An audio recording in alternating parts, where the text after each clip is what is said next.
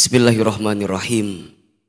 Ala hadhihi niyah wa ala kulli niyatin salihah. Al-Fatihah. A'udzubillahi minasyaitonir rajim. Bismillahirrahmanirrahim. Alhamdulillahi rabbil alamin. Arrahmanirrahim. Maliki yaumiddin. Iyyaka na'budu wa iyyaka nasta'in. Ihdinas siratal mustaqim. Siratal ladzina an'amta 'alaihim ghairil maghdubi 'alaihim waladdallin. Rabbi sholli sadri wa yassir. Bismillahirrahmanirrahim. Assalamualaikum warahmatullahi wabarakatuh.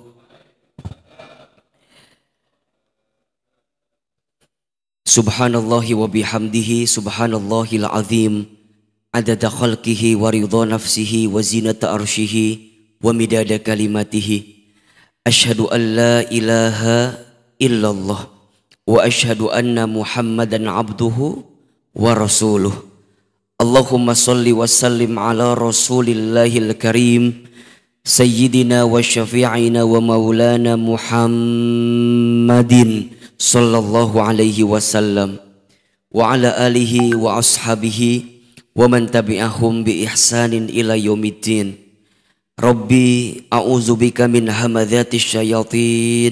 Wa a'udzubika rabbi ay yahdurun. Subhanaka la ilma lana illa ma 'allamtana. Innaka antal alimul hakim.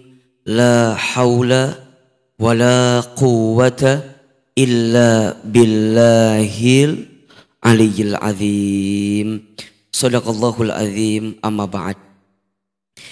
Yang sama kita muliakan kita hormati para alimil ulama para kiai para ustadz para guru dan seluruh pengurus masjid al-ijtihad Allahu Akbar mudah-mudahan Allah senantiasa memberikan keberkahan dalam setiap langkah dakwah yang kita jalani.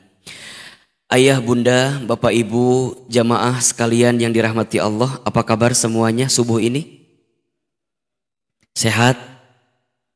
Coba jawab ya. Sehat? Nah, kalau Ahilman tanya apa kabar, jawab Alhamdulillah ya. Sehat? Sehat badannya? Alhamdulillah. Sehat pikirannya? Alhamdulillah. Sehat keluarganya? Alhamdulillah. Sehat kantongnya? Alhamdulillah. Alhamdulillah, thumma alhamdulillah.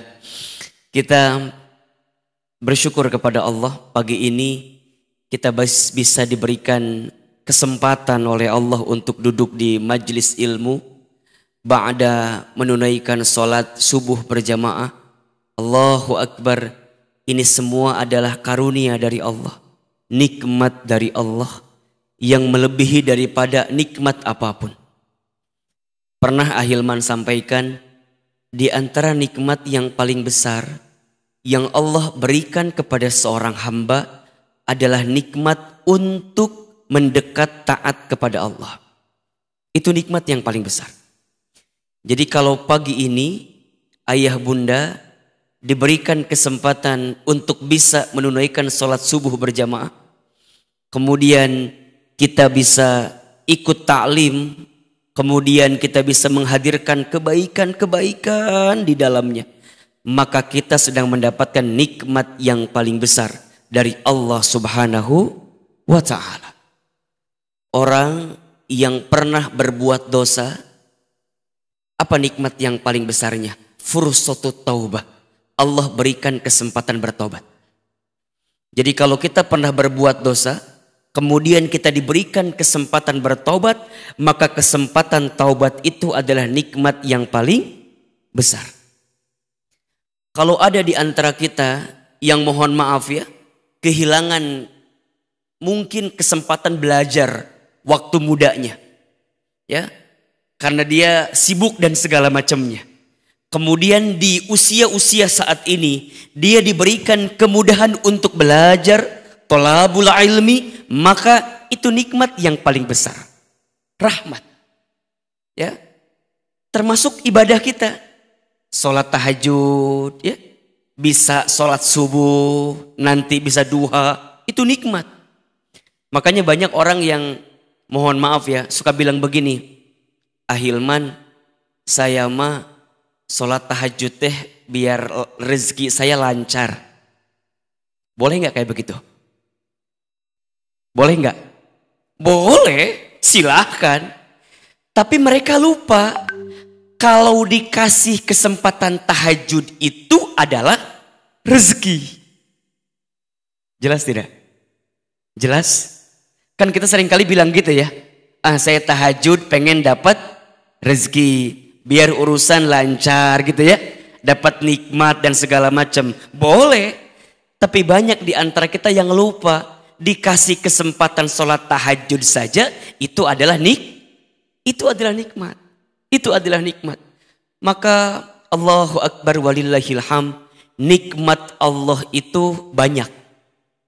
Setuju? Nikmat Allah itu banyak. Yang kurang apanya? Yang kurang apanya? Nah, yang kurang kitanya. Siapa yang kurang? Siapa yang kurang? Kita. Jangan kita lah, saya aja ya. Siapa yang kurang? Saya. Ahilman, kita kurang apa? Kurang banyak. Allah mah ada yang kurang, setuju nggak? Kita nih, saya ini banyak kurangnya. Dikasih nikmat, kurang syukur. Betul? Dikasih ujian, kurang sabar. Betul? Ketika beramal, kurang ikhlas. Betul? Ketika ada takdir, kurang ridho. Betul? Kalau dikumpulin, mohon maaf, kurang ajar. Ulangi, ulangi, ulangi. Yang kurang siapa? Yang kurang siapa? Saya. Dikasih nikmat kurang apa? Kurang syukur. Dikasih ujian kurang sabar. Ketika beramal kurang ikhlas. Ketika ada takdir kurang kurang ridho. Kalau dikumpulin kurang ulangi, ulangi, ulangi, ulangi. Yang kurang siapa? Tolong jawab yang kencang. Yang kurang siapa? Saya. Saya kurang apa? Dikasih nikmat kurang apa? Syukur. Dikasih ujian kurang sabar. Ketika beramal kurang ikhlas. Ketika ada takdir kurang kurang ridho. Kalau dikumpulin kurang ajar. Di sini ada yang begitu? Ada. Yang mana orangnya ada yang begitu? Saya. Saya. Betul apa betul? Iya apa ya? Jadi yang selama ini kurang bukan nikmat Allah. Yang selama ini kurang kitanya saja. Sayanya saja. Maka Bapak Ibu sekalian, Ahilman mengajak di awal pertemuan ini kita bersyukur sama Allah. Tadi sebelum subuh setengah empat kira-kira saya WA Mas Fajar. Kemungkinan saya nggak akan bisa datang ke Masjid Al Ijtihad ini. Karena semalam baru pulang jam 2 Ya, makanya wajahnya agak sedikit gimana? Masih glowing atau enggak? Masih kelihatan aman pak? Baru baru pulang jam 2 karena di Bogor kemarin ada hajat besar kami teman hijrah. Allahu Akbar. Kalau bicara capek lelah, kalau bicara lelah pasti capek juga. Saya kata Mas Pajar, Ustadz, kalau Ustadz nggak datang, saya harus bilang apa sama jamaah katanya. Saya langsung mikir, tapi saya terlambat ya berangkatnya enggak apa-apa. Supir saya semuanya tidur. Jadi semuanya tidur. Allahu Akbar dan izin Allah, takdir Allah. Hari ini kita masih bisa bertemu. Senang sekali. Saya itu kalau ke masjid ini kangen. Kemarin waktu saya ngisi waktu lalu masih belum pakai karpet ya. Sekarang udah pakai karpet. Lebih nyaman nggak? Lebih enak nggak? Kalau begini biasanya kajiannya agak lama kita ya. Uh, sampai jam berapa kita kajiannya nih? Sampai jam 8. Baik, Bapak sampai jam 8 ya. Ustaz sampai jam 6 selesai insya Allah ya. Allahu Akbar walillahilham. Ayahanda, Masya Allah. Bunda, terima kasih. Sudah berkenan menunggu, Masya Allah. Ya, Mudah-mudahan dapat pahala sabar insya Allah ya. Amin ya. Baik, pagi ini Ahilman coba akan berbagi tentang satu tema yang dekat dengan kehidupan kita. Judulnya adalah agar lebih tenang dalam urusan rezeki. Punten saya mau tanya, Hari ini di antara kita yang hadir ada yang sedang gelisah dengan urusan rezeki? Ada? Kalau ada kita lanjutkan kajiannya. Kalau tidak ada cukup sekian dan terima kasih. Ya untuk apa dibahas Pak? Nggak ada masalah di sini ternyata ya. Coba ada nggak yang sedang gelisah dengan rezeki? Ada? Banyak atau sedikit? Yang mana orangnya? Allahu Akbar, saya lagi ini. Ini kelihatan kalau dari kalau kelihatan dari wajahnya hampir sama semua ini ya. Wajah-wajah banyak masalah kelihatannya ya. Allahu Akbar. Baik. Pagi ini kita akan belajar sedikit lah ayah bunda. Gimana caranya agar kita bisa tenang dalam urusan rezeki. Pada waktu syuruk ya. Masya Allah. Gak apa-apa ini. Lanjut atau cukup? Lanjut atau cukup? Enggak bosan? Enggak capek? Yang capek siapa? Ustadz ya baik ya. Ustadz mohon izin minum dulu. Ini sayang ini ada minum di sini nih. Alhamdulillah. Baik. Ayah bunda, ada setidaknya ya, ada empat konsep atau empat prinsip tentang urusan rezeki yang harus kita fahami dan yakini. Ada berapa? Ada berapa? Empat. Satu. Rizki itu sudah dijamin oleh Allah.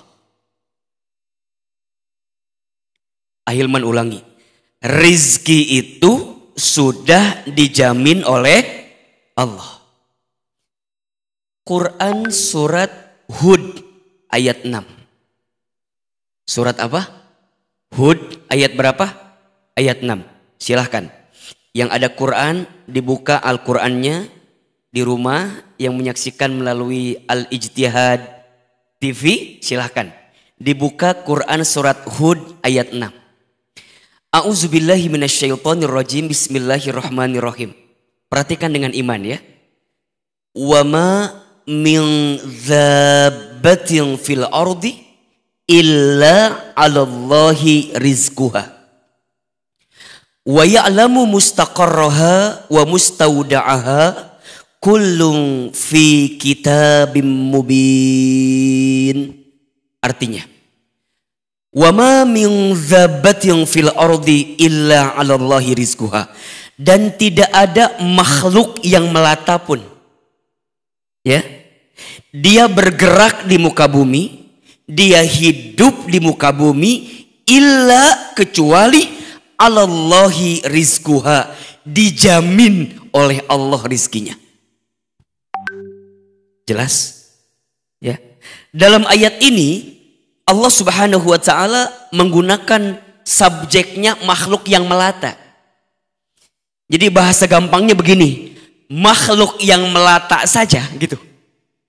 Ya, makhluk yang melata saja selama dia hidup di muka bumi Allah jamin rizkinya apalagi kita manusia manusia makhluk yang melata aja dijamin oleh Allah rizkinya apalagi kita manusia yang tidak melata betul apa betul apalagi kita manusia yang diciptakan oleh Allah dengan bentuk yang paling sempurna.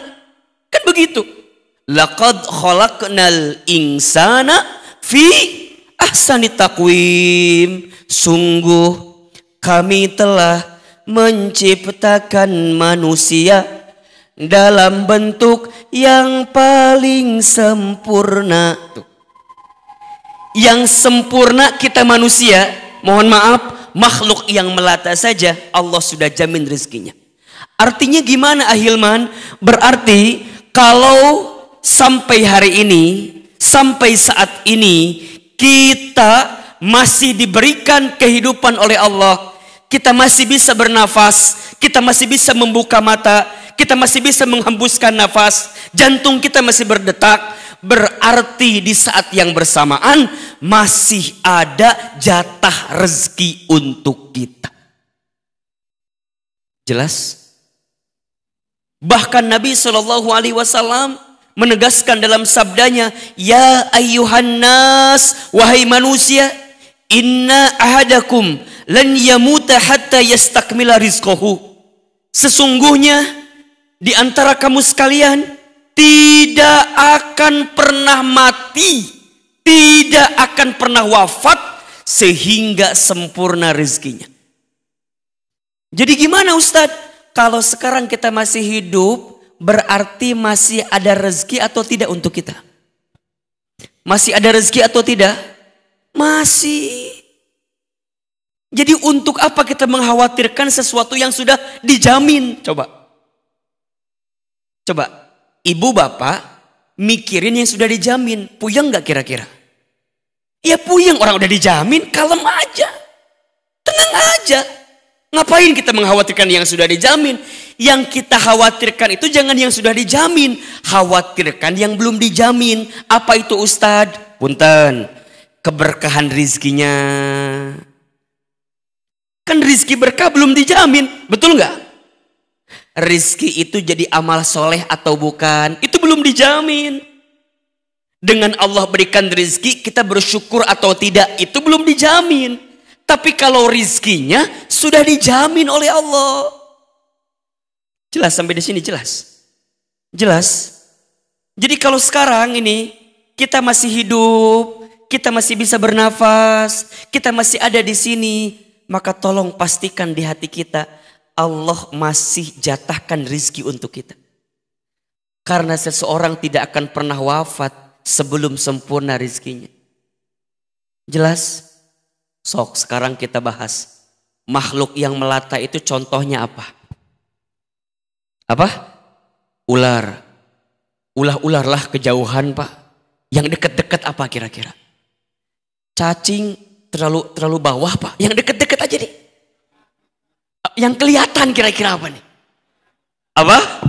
Ah, cicak. Cicak melata, setuju? Oke.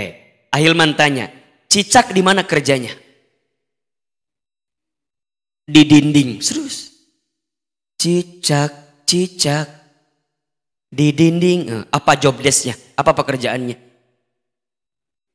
Diam-diam merayap. Di sini ada yang kerjanya diam-diam merayap? ada yang diam-diam merayap? Nggak ada ya. Cicak, cicak di dinding. Diam, diam merayap yang nyamperin nyamuk ke cicak atau cicak ke nyamuk? Tolong dijawab. Yang nyamperin nyamuk ke cicak atau cicak ke nyamuk? Serius? Lihat. Datang seekor nyamuk. Cicaknya diem atau bergerak? Oke, cicak bergeraknya apa? Hap. Emang hap nggak pakai gerakan? Hap pakai gerakan apa enggak? Nyamuknya nyemperin cicak, kemudian cicaknya nyambut nyamuk. Betul?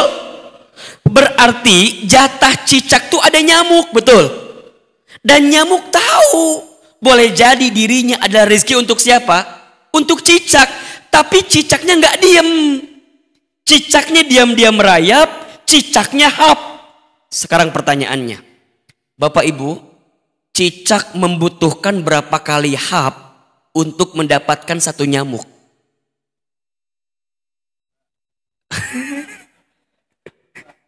Coba, cicak butuh berapa kali hap untuk dapatin satu nyamuk? Pertanyaannya, apakah sekali hap langsung dapat nyamuk atau harus berkali-kali hap? Kata siapa Bapak? Memangnya Bapak pernah ngobrol sama cicak begitu? Punten, punten, punten. Ahilman pernah baca, katanya cicak itu membutuhkan berkali-kali hap untuk bisa mendapatkan satu nyamuk. Jadi nggak sekali set nyamuk dapat, enggak. Dan kita nggak tahu di hap yang keberapa kali cicak itu dapat nyamuk. Nah pertanyaannya yang kedua, mengapa cicak Kenapa cicak istiqomah? Kenapa cicak konsisten untuk terus hap walaupun nyamuknya nggak dapat? Halo. Halo. Kenapa cicak bisa konsisten untuk terus diam-diam merayap, untuk terus hap, walaupun nyamuknya nggak dapet? Apa coba? Ah? Illa Allah rizquha. Cicak yakin rizki dijamin sama siapa? Allah. Cicak aja yakin. Halo? Halo? Cicak aja yakin. Masa kita manusia nggak yakin? Jelas sampai di sini? Jelas?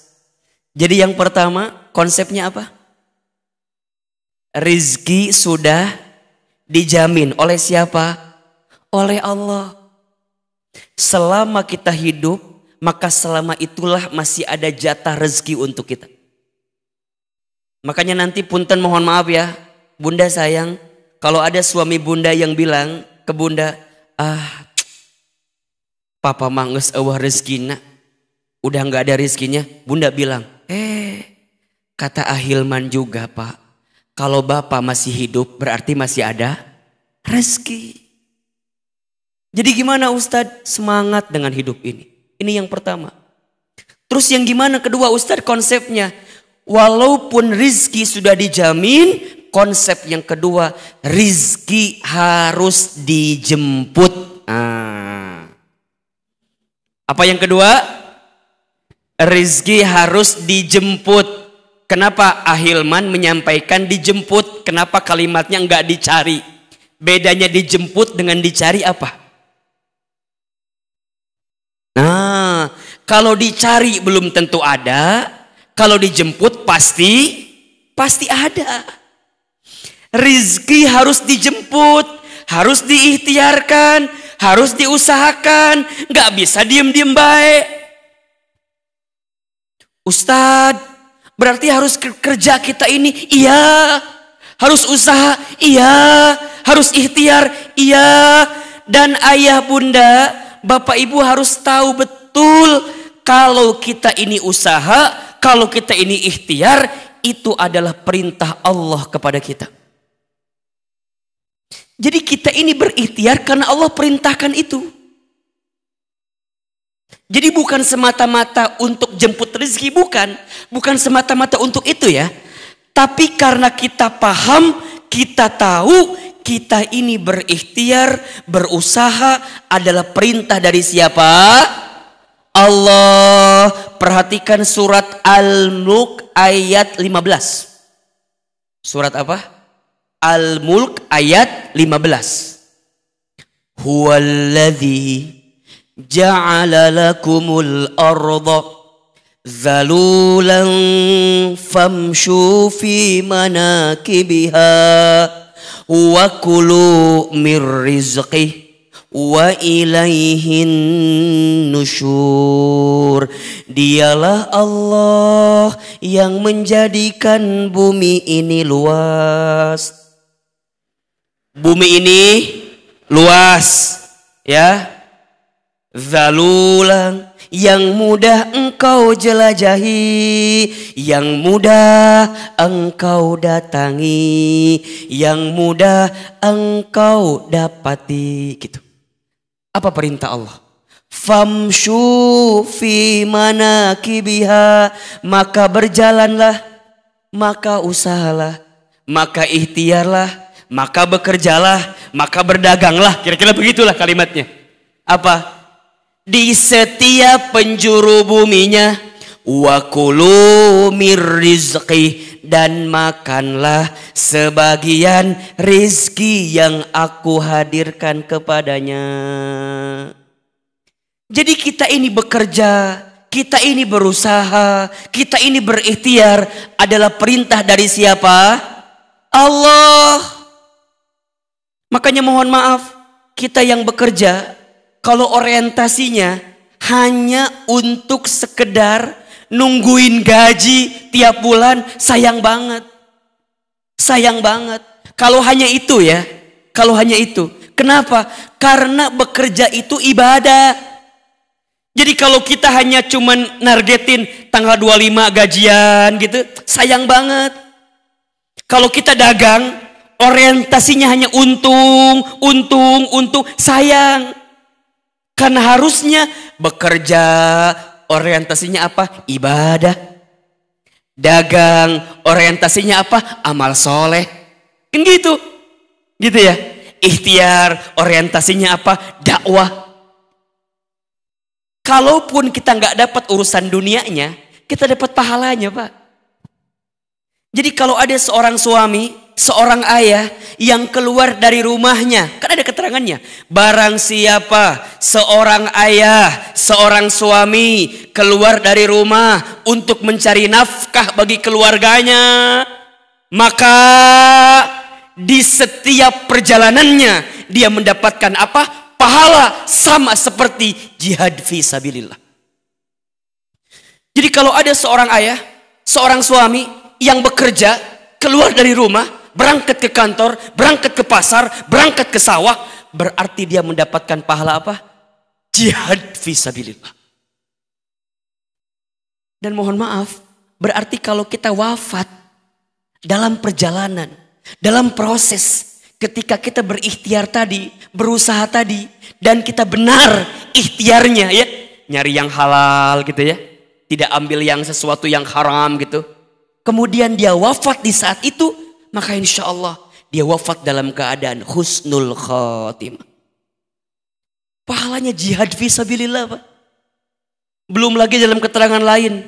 ya Tidak ada dosa kecuali dosanya bisa diampuni dengan kita bekerja tuh. Barang siapa seorang laki-laki, seorang ayah atau di antara kita yang keluar dari rumahnya mencari nafkah untuk keluarganya, kemudian dia pulang di sore hari dalam keadaan capek, dalam keadaan lelah, maka di saat yang bersamaan Allah gugurkan dosa-dosanya. Jadi bekerja itu, ikhtiar itu perintah dari siapa? Perintah dari siapa? Allah. Jelas sekali. Berarti punten, kalau kita bekerja, kemudian mohon maaf ya, tidak mendapatkan apresiasi terbaik dari tempat perusahaan kita, kita nggak akan galau gitu loh. Kita nggak akan gelisah. Kenapa Ahilman? Karena kita bekerja, ini perintah Allah. Ini kewajiban kita kepada Allah. Berarti kalau kita nggak kerja, kalau kita nggak berusaha, kalau kita nggak berikhtiar, berarti kelak kita akan dihisap oleh Allah. Ente kenapa nggak ikhtiar gitu? Ente kenapa nggak kerja? Nah, pada bab ikhtiar ini kita bagi dua. Satu ada ikhtiar bumi, dua ada ikhtiar langit. Satu ikhtiar apa? Bumi, dua ikhtiar apa? Langit. Ahilman, ikhtiar bumi apa? Ikhtiar bumi itu kerjanya. Silakan yang dagang-dagang dah. Yang tani-tani dah. Yang punya kebun ngebon dah silakan. Yang punya sawah silakan nyawa dah. Kerja tuh. Kerja. Yang kemudian profesional ASN atau apa pun itu. Ayo kerja. Kerja. Itu dunianya. Tapi ingat. Jangan lupa kita mengetuk pintu langit. Apa? Ikhtiar ukhrawinya dikuatin. Apa di antaranya? Takwa. Kan jelas kata Allah. Wa may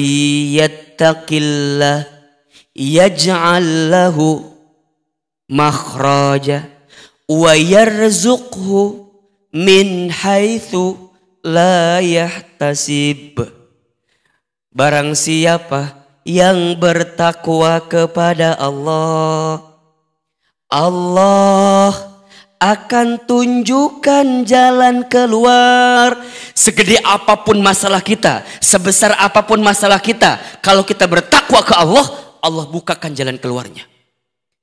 Bukan hanya itu, wa yarzuqhu min. Allah akan berikan rizki dari jalan yang tak pernah disangka-sangka. Jadi gimana Ustadz? Ayolah, kalau kita pengen rizki kita mudah, rizki kita tenang, rizki kita lapang, ikhtiar. Ikhtiarnya ada dua, ikhtiar buminya kerja, dagang, usaha gitu. Tapi ikhtiar langitnya tingkatkan ketakwaan kita kepada siapa? Allah. Yuk kita susun agenda hariannya. Bangun Jam berapa? Sepertiga malam. Terus ngapain? Tahajud, ya. Sholat tahajud itu, ayah bunda sayang, bapak ibu sekalian, sholat yang bisa mengantarkan kemuliaan bagi seorang manusia. Makin hebat tahajudnya, makin mulia hidupnya. Surat Al-Isra ayat 79. Wa minal laili fatahajjad bihi nafilatan lak asa ayyab'asaka rabbuka maqamam mahmuda dan di waktu malam bangunlah dirikan sholat tahajud. Tuh. Langsung disebutkan langsung. Fatahajjad kan gitu. Bangunlah dirikan sholat tahajud. Nafilatallaka sebagai tambahan untukmu. Lihat apa yang akan Allah berikan kepada orang yang ahli tahajud.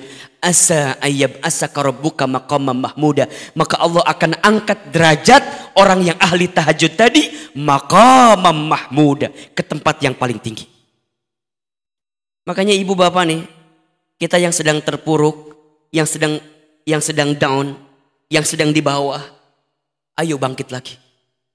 Gimana caranya? Hadirkan sholat tahajud. Hadirkan sholat tahajud. Sholat tahajud itu adalah sholat yang bisa menguatkan diri kita untuk bisa mendapatkan derajat tertinggi di hadapan Allah Subhanahu wa taala. Setelah itu ngapain Ustaz? Jangan tidur lagi, lanjut zikir, kan gitu. Perbanyak zikir di waktu sahur, minimal dengan istighfar, astagfirullah, astagfirullah, astagfirullah, mohon maaf, boleh jadi rezeki kita seret, hidup kita susah, hidup kita sulit karena masih banyak dosa yang pernah kita lakukan. Mungkin ada dosa kita di masa lalu yang belum kita taubatin. Mungkin ada kesalahan kita di masa lalu yang belum kita istighfarin. Wafil asharihum yastagfirun. Kan begitu. Orang yang di waktu sahur mereka memperbanyak istighfar. Nabi Shallallahu Alaihi Wasallam tidak pernah kurang dari 70 kali disebutkan dalam keterangan lain tidak pernah kurang dari 100 kali beristighfar setiap hari. Itu Nabi, Rasul, surganya pasti, hisabnya aman, amalnya banyak, dosanya tidak ada, dimaksum, tapi tidak pernah kurang dari 100 kali beristighfar. Kita siapa? Kita nabi bukan, Rasul bukan. Surga belum jelas. Hisab masih menegangkan. Amal dikit. Dosa banyak kita masih belum mau istighfar. Allahu Akbar walillahilham ayo perbanyak istighfar di waktu sahur. Setelah itu apa Ustadz siap-siap. Dirikan sholat sunnah fajar dua rakaat sebelum subuh. Kan Bapak Ibu tahu apa pahalanya? Barang siapa yang menunaikan sholat fajar, sunnah fajar, dua rakaat sebelum subuh, maka dia mendapatkan pahala seperti apa? Seperti apa? Mendapatkan dunia beserta isinya. Bukan hanya dunianya saja, dunia beserta isinya. Bukankah itu yang kita cari selama ini? Betul apa enggak? Kita banting tulang, tulang banting, kaki di kepala, kepala di kaki, ke sana kemari, mencari alamat. Alamat palsu lagi. Apa yang kita cari? Dunia kan? Ya Rob, kata Nabi itu jelas. Orang yang sholat dua rakaat sunnah fajar sebelum subuh dapetin dunia beserta isinya. Terus gimana Ustadz? Setelah itu subuh berjamaah ke masjid. Barang siapa yang sholat subuh berjamaah di masjid maka di hari itu dia mendapatkan zimmatillah penjagaan dari Allah. Jadi kalau hari ini tadi kita sholat subuh berjamaah maka sepanjang hari dia mendapatkan penjagaan dari siapa? Allah. Kalau Allah udah jaga kita, ah kelar hidup kita enak nyaman. Allah jaga kita. Mau ada yang nipu kita, mau ada yang zolim sama kita, mau ada yang ambil hak kita. Kalau Allah yang sudah jaga gimana? Allah jamin kita, aman hidup kita. Kemudian ngapain lagi Ustadz? Lanjut, nggak pulang dulu, dia duduk di masjid. Barang siapa yang sholat subuh berjamaah di masjid, summa ada. Kemudian dia duduk, ngapain? Zikir, muhasabah, baca Quran, taklim, kajian di masjid. Sampai kapan Ustadz? Sampai datangnya waktu syuruk. Setelah itu kemudian dia sholat dua rakaat, maka dia mendapatkan pahala apa? Haji umrah sempurna, sempurna, sempurna. Kemudian Ustadz, infak sodakoh, infak pagi, sedekah subuh. Almarhum guru kita Allahu Yarham Syekh Ali sering bilang, sedekah subuh. Ustadz, apa pahalanya? Ya Rob, ya Rob. Perhatikan hadis berikut ini. Ya. Untuk kita agar terbiasa sedekah subuh. Mamin yaumin tusbihul ibadu illa malakani yanzilani tidak ada di setiap hari seorang hamba kecuali di setiap pagi ada dua malaikat yang turun kepadanya. Berapa malaikat? Dua. Jadi setiap pagi ada dua malaikat yang turun. Ahilman, ngapain malaikat itu? Ternyata dua malaikat ini berdoa kepada Allah. Sekarang saya mau tanya, kalau malaikat berdoa pasti diijabah atau tidak? Pasti dikabulkan atau tidak? Pasti. Apa doanya? Malaikat yang pertama berdoa kepada Allah. Allahumma a'ti munfiqan khalafa. Ya Allah. Berikanlah munfiqan kepada orang yang berinfak bersedekah? Di waktu pagi hari tadi apa? Khalafa ganti yang lebih baik daripada apa yang dia infakkan.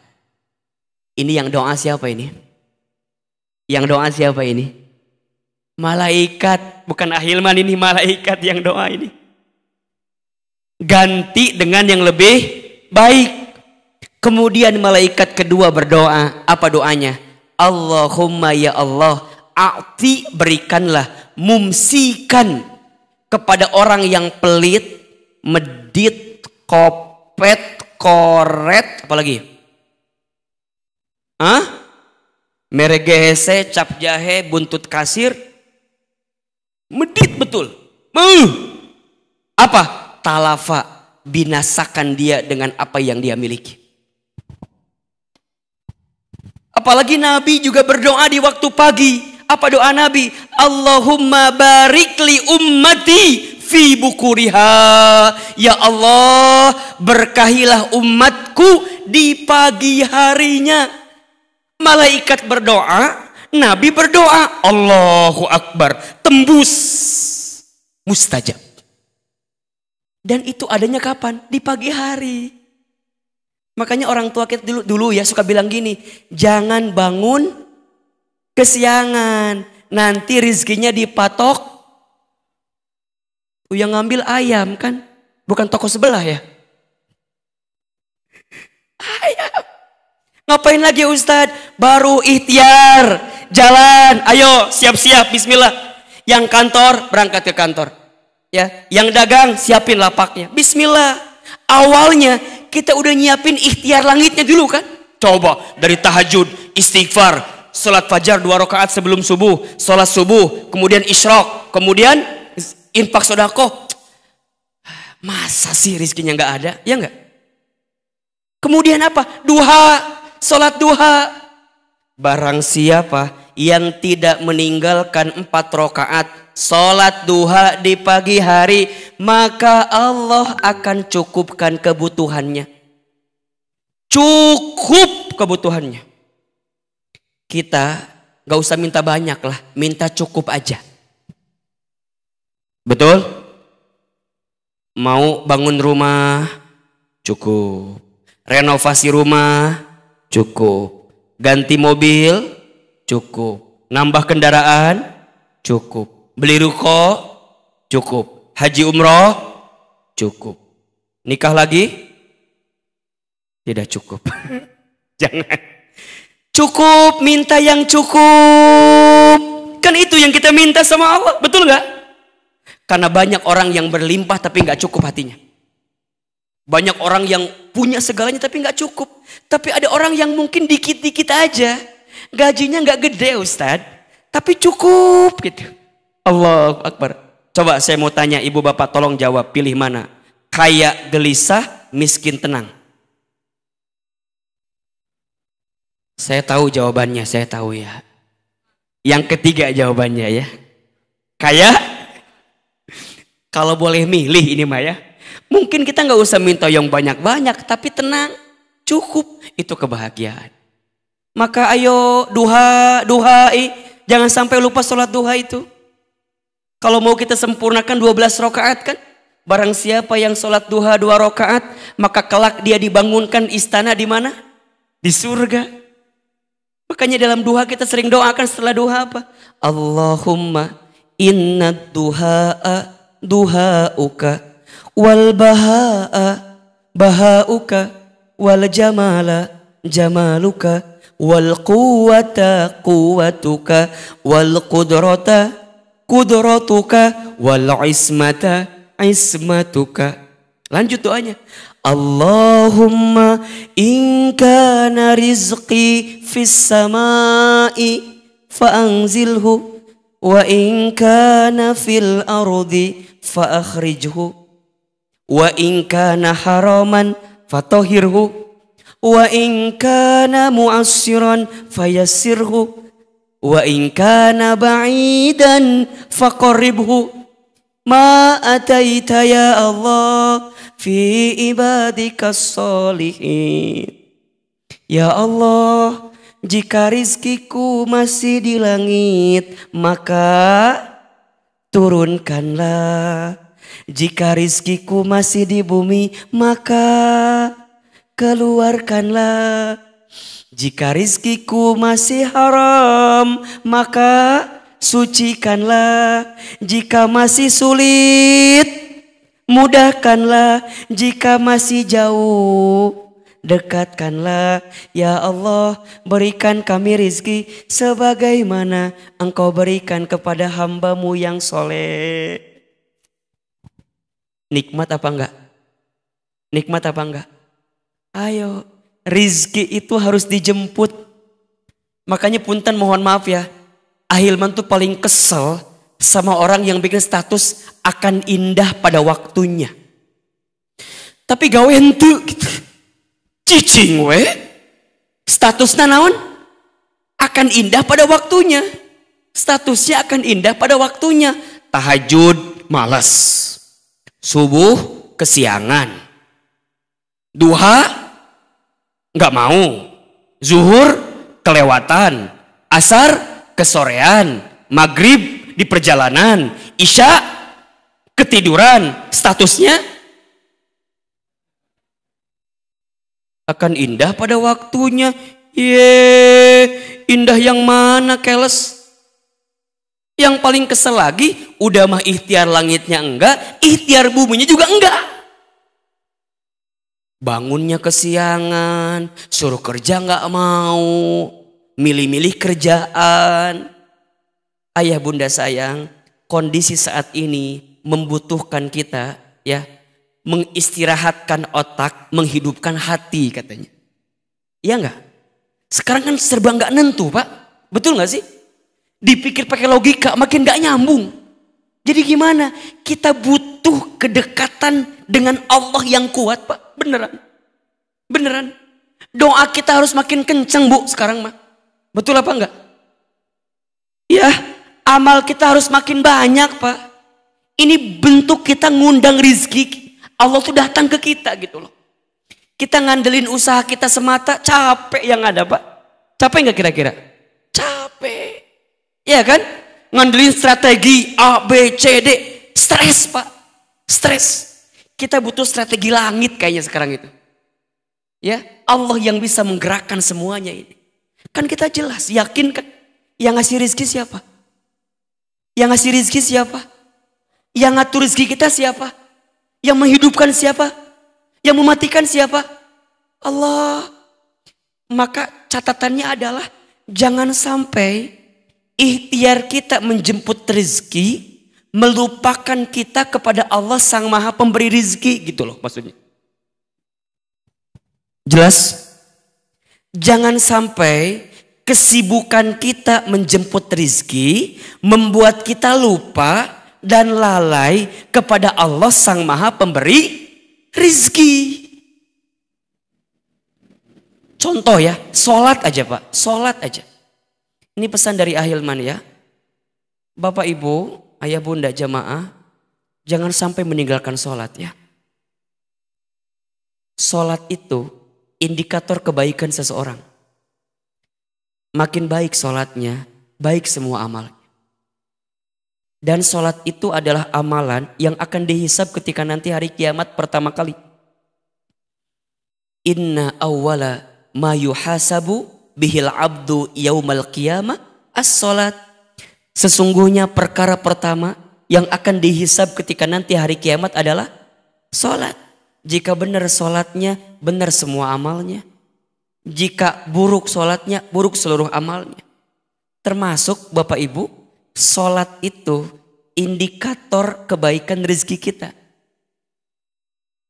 Salatnya benar, rizkinya lancar dah. Buka surat Toha ayat 132. Surat apa? Toha ayat berapa? 132. Kata Allah, wa mur ahlaka bis salat dan perintahkanlah keluargamu untuk solat. Wastobir alaiha dan bersabar-sabarlah dalam solat itu. Apa kata Allah? Kalau solatnya udah benar, solatnya udah bagus, solatnya udah baik gitu. La nas alukarizkan. Jangan pernah bertanya tentang rezeki gitu. Jangan pernah khawatir tentang rezeki. Kenapa? Nahnu narzukuka. Kami yang akan menjamin rezekimu kata Allah. Wal akibatul taqwa karena itu akibat ketakwaan engkau kepadaku kata Allah. Jadi sebenarnya yang butuh sholat itu kita atau Allah? Kita.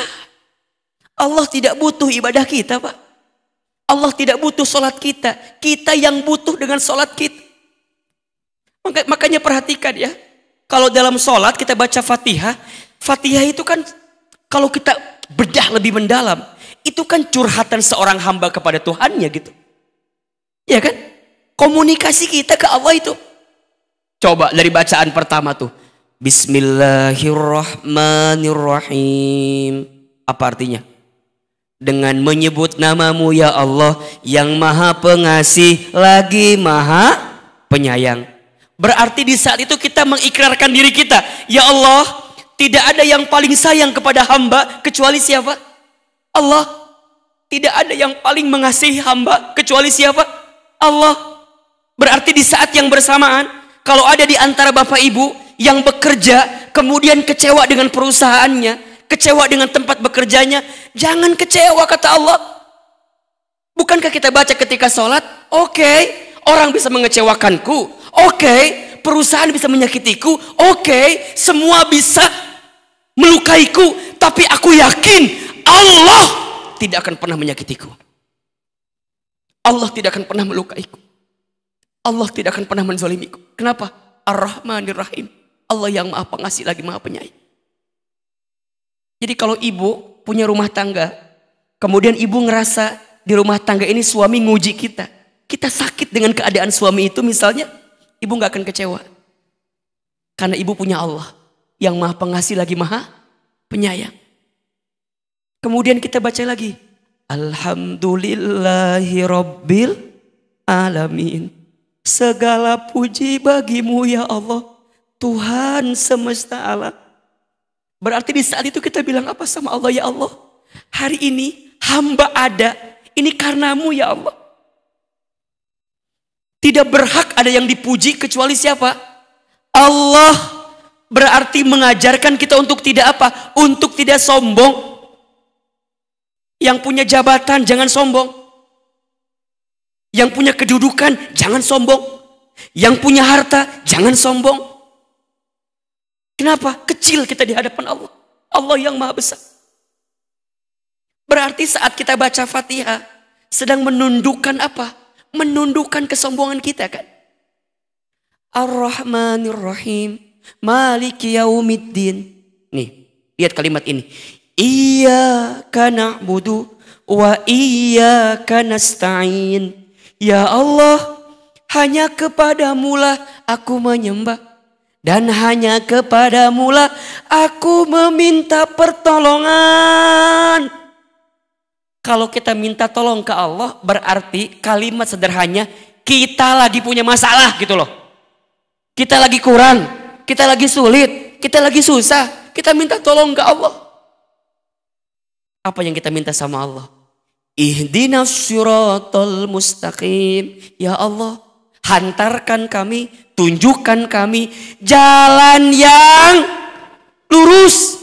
Ya Allah, hamba punya persoalan ini ya Allah. Kan gitu? Gimana jalannya ya Allah? Bukakan jalannya ya Allah. Berikan jalannya ya Allah. Kan gitu. Syiratal ladzina an'amta alaihim ghairil maghdubi alaihim walad Sholat Pak. Sholat itu pintu kebaikan. Sholat itu pintu ampunan. Sholat itu pintu kasih sayang. Sholat itu pintu rezeki. Itu bagian dari ikhtiar langit kita. Jelas? Tiga. Konsep rezeki itu tawakal ke Allah. Tugas kita apa? Ikhtiar. Yang menentukan hasilnya siapa? Allah. Nahnu bitakhir wallahu bitakdir. Wa may yatawakkal Allah fahuwa hasbuh. Barang siapa yang bertawakal kepada Allah, maka Allah akan cukupkan rizkinya. Cukup. Cukup semua. Makanya doa nih, doa keluar rumah, apa doanya? Pas kita bawa bekerja, apa doanya? Bismillahi tawakkaltu ala Allah la haula wala quwata illa barang siapa yang keluar dari rumahnya membaca bismillahi tawakkaltu 'ala Allah la haula wala quwata illa billah maka dia akan mendapatkan tiga hal satu kecukupan dua keselamatan tiga ketenangan atau kelapangan tawakal tugas kita cuman ikhtiar Allah yang nentuin segalanya. Jelas? Jelas? Barang siapa yang bertawakal kepada Allah dengan tawakal yang sesungguh-sungguhnya, maka dia akan mendapatkan rezeki seperti rezekinya seekor burung. Keluar pagi hari dalam keadaan perutnya kosong, pulang. Pulangnya kapan burung itu? Burung pulangnya kapan? Sore. Ada burung yang lembur enggak? Burung keluarnya pagi, pulangnya sore. Pulang sore dalam keadaan perutnya kenyang. Bahkan mohon maaf, tidak sedikit burung yang pulang membawa bekal bagi anak-anak burung yang lainnya. Kenapa? Sikap tawakal ke Allah. Ustadz, apa itu tawakal? Tawakal itu berserah diri ke Allah. Ingat ya, ada tiga kalimat yang beda nih. Menyer, ada ada terserah, ada menyerah, ada berserah. Beda atau sama? Coba. Terserah, menyerah, berserah. Beda atau sama? Beda. Di mana bedanya? Di situ. Iya, iya, saya tahu itu di situ. Ahilman apa bedanya? Kalau terserah tidak punya tujuan. Terserah itu nggak punya tujuan.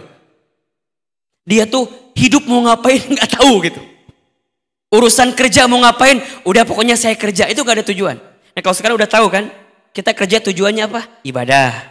Tujuannya apa? Amal soleh. Tujuannya apa? Dakwah gitu ya. Ya. Kalau terserah nggak ada tujuan. Menyerah nggak ada usaha. Ah. Pasrah. Ah, udah ada. Udah. Ustad, udahlah. Bapak mah tinggal nunggu mati aja Ustad lah. menyerah itu. Kalau kalau berserah tujuannya ada, usahanya ada, hasilnya dia serahkan kepada siapa? Allah. Jelas kira-kira? Jelas? Selama ini Bapak Ibu ada pada zona mana? Terserah, menyerah, atau berserah? Atau tidak tiga-tiganya? Daliur teh ya merenan. Ustaz yang ngasih kumahang kewe cina. Gimana nanti aja. Jangan terserah, jangan menyerah, harus apa? Berserah. Sok we kerja atau dak ikhtiar mah tidak akan pernah mengkhianati hasil betul nggak? Bismillah we. Dan Allah lihat kok kerja kita. Allah lihat apa usaha kita. Betul apa enggak? Maka yang keempat, tutup pertemuan ini konsep rezekinya apa? Jangan membatasi rezeki dengan urusan harta saja. Jelas? Rizki Allah itu luas dan banyak. Setuju? Yang sempit apa?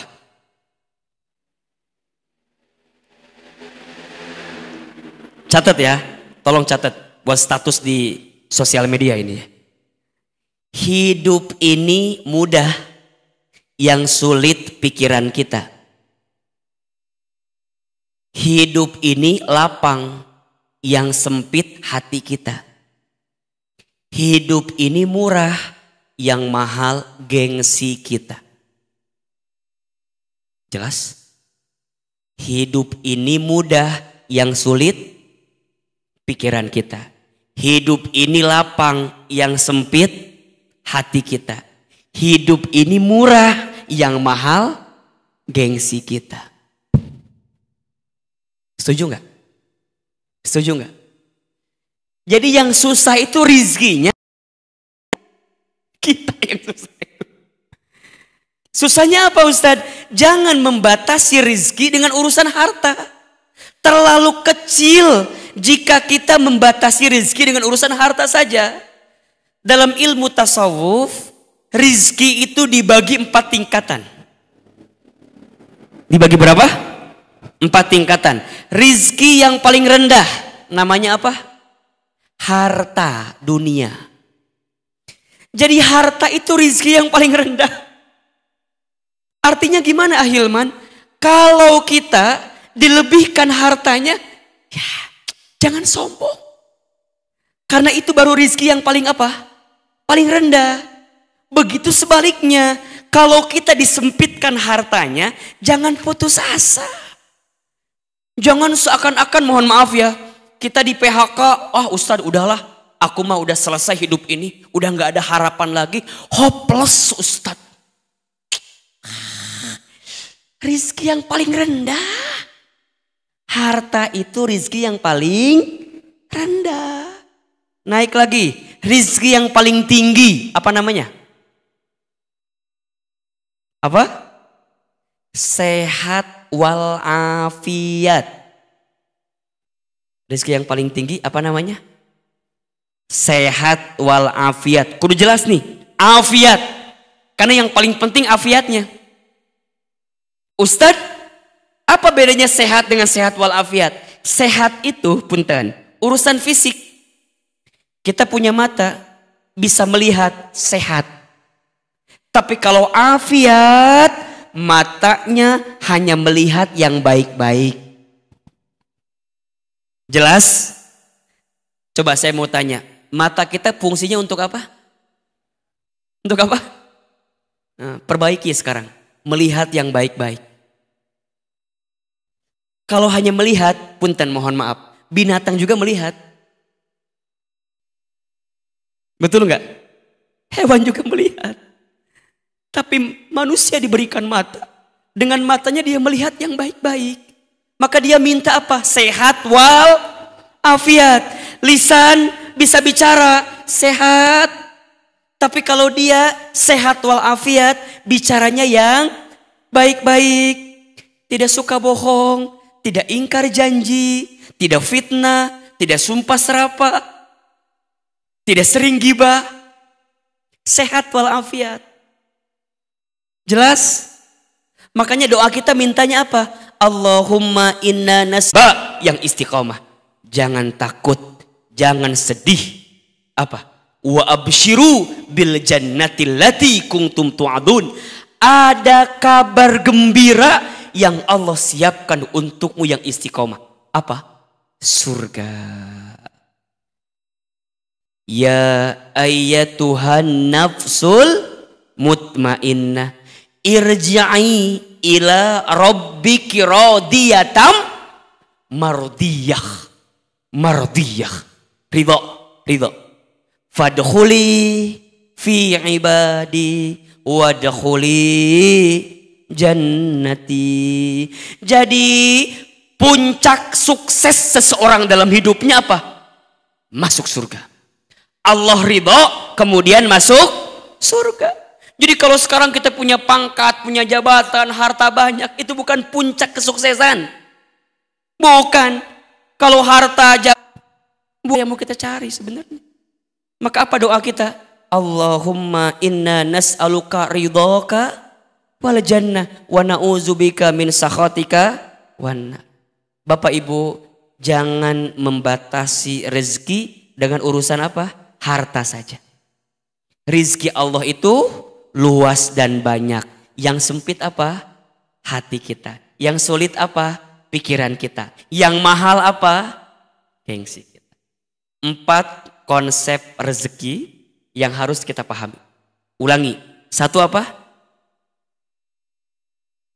Halo. Satu apa? Rizki sudah dijamin. Oleh siapa? Oleh Allah. Dua, Rizki harus dijemput, diikhtiarkan. Tiga, tawakal dalam urusan rezeki. Empat, jangan membatasi rizki dengan urusan harta dunia semata.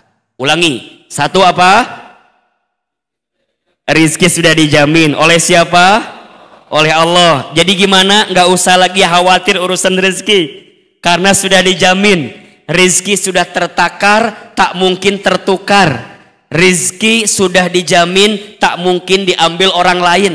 Kalem aja, keles gitu. Tenang aja. Dua, rizki harus apa?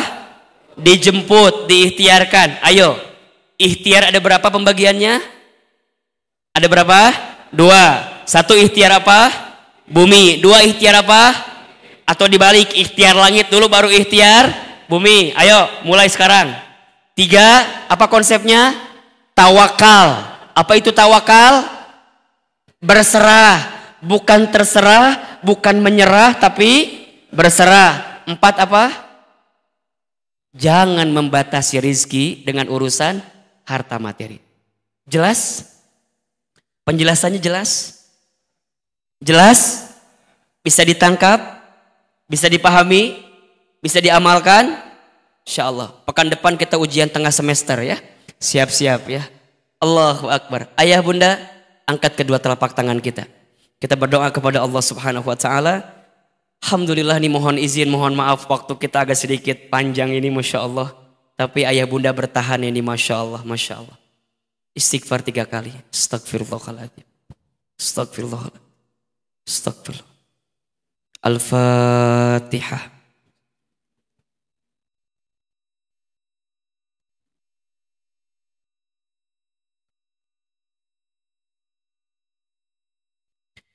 Aminkan dalam hati masing-masing. Auzubillahi minasyaitonirrajim. Bismillahirrahmanirrahim. Alhamdulillahi alamin. Allahumma salli ala sayyidina Muhammadin wa ala alihi wa ashabihi ajma'in.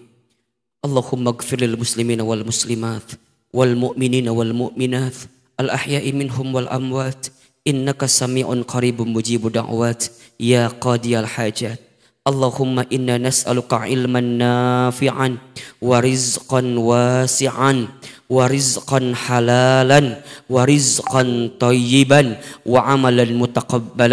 Allahumma la tada' lana dhanban illa ghafartah wala illa farrajtah wala illa syafaitah wala illa satartah wala illa qadaitah wala hajatan min hawaijid dunya wal illa qadaitah wa ya alamin. Ya Allah tidak ada yang hadir pagi ini kecuali yang banyak dosa. Engkau ampuni dosa-dosanya ya Allah. Yang gelisah engkau tenangkan hatinya ya Allah yang sedang sempit engkau lapangkan hidupnya ya Allah yang sedang sulit engkau mudahkan urusannya ya Allah. Yang sedang sakit engkau sembuhkan ya Allah. Yang punya aib engkau tutup aibnya ya Allah. Yang punya hajat engkau segerakan hajatnya ya Allah. Ya Allah ya Rabb. Hanya engkau yang bisa memberikan rezeki kepada kami. Anugerahkan kepada kami rezeki yang halal. Anugerahkan kepada kami rizki yang halal. Anugerahkan kepada kami rizki yang lapang. Rizki yang luas rizki yang berkah berlimpah ya Rabbal Alamin. Allahumma kfina bihalalika an haramika wa aghnina bifadlika amman siwaka. Ya Allah, cukupkan kami dengan yang halal dan jauhkan kami dari yang haram. Ya Allah, kayakan kami dengan karuniamu daripada kami bergantung kepada selainmu. Rabbana zalamna anfusana wa illam taghfir lana wa tarhamna lanakunanna minal khasirin. Bismillahilladzi la yadhurru ma'asmihi syai'un fil ardi wala fis sama. Wa huwas samiul alim. La ilaha illa anta subhanaka inna kunna minadh zalimin. Rabbana taqabbal minna innaka antas samiul alim. Wa tub alaina innaka antat tawwabur rahim. Rabbana atina fid dunya hasanah wa fil akhirati hasanah wa qina azaban nar subhana rabbika rabbil izzati amma yasifun. Wassalamun alal mursalin. Walhamdulillahi rabbil alamin. Silakan bermaaf-maafan kiri dan kanannya mohon maaf lahir dan batin. Mudah-mudahan Allah menerima semua amal kebaikan kita. Ahilman masih boleh ngisi kajian di sini? Masih boleh? Alhamdulillah. Mudah-mudahan Allah pertemukan kembali. Mohon maaf lahir batin yang benar dari Allah yang salah dari Ahilman yang banyak salah banyak hilafnya wabillahi taufik wal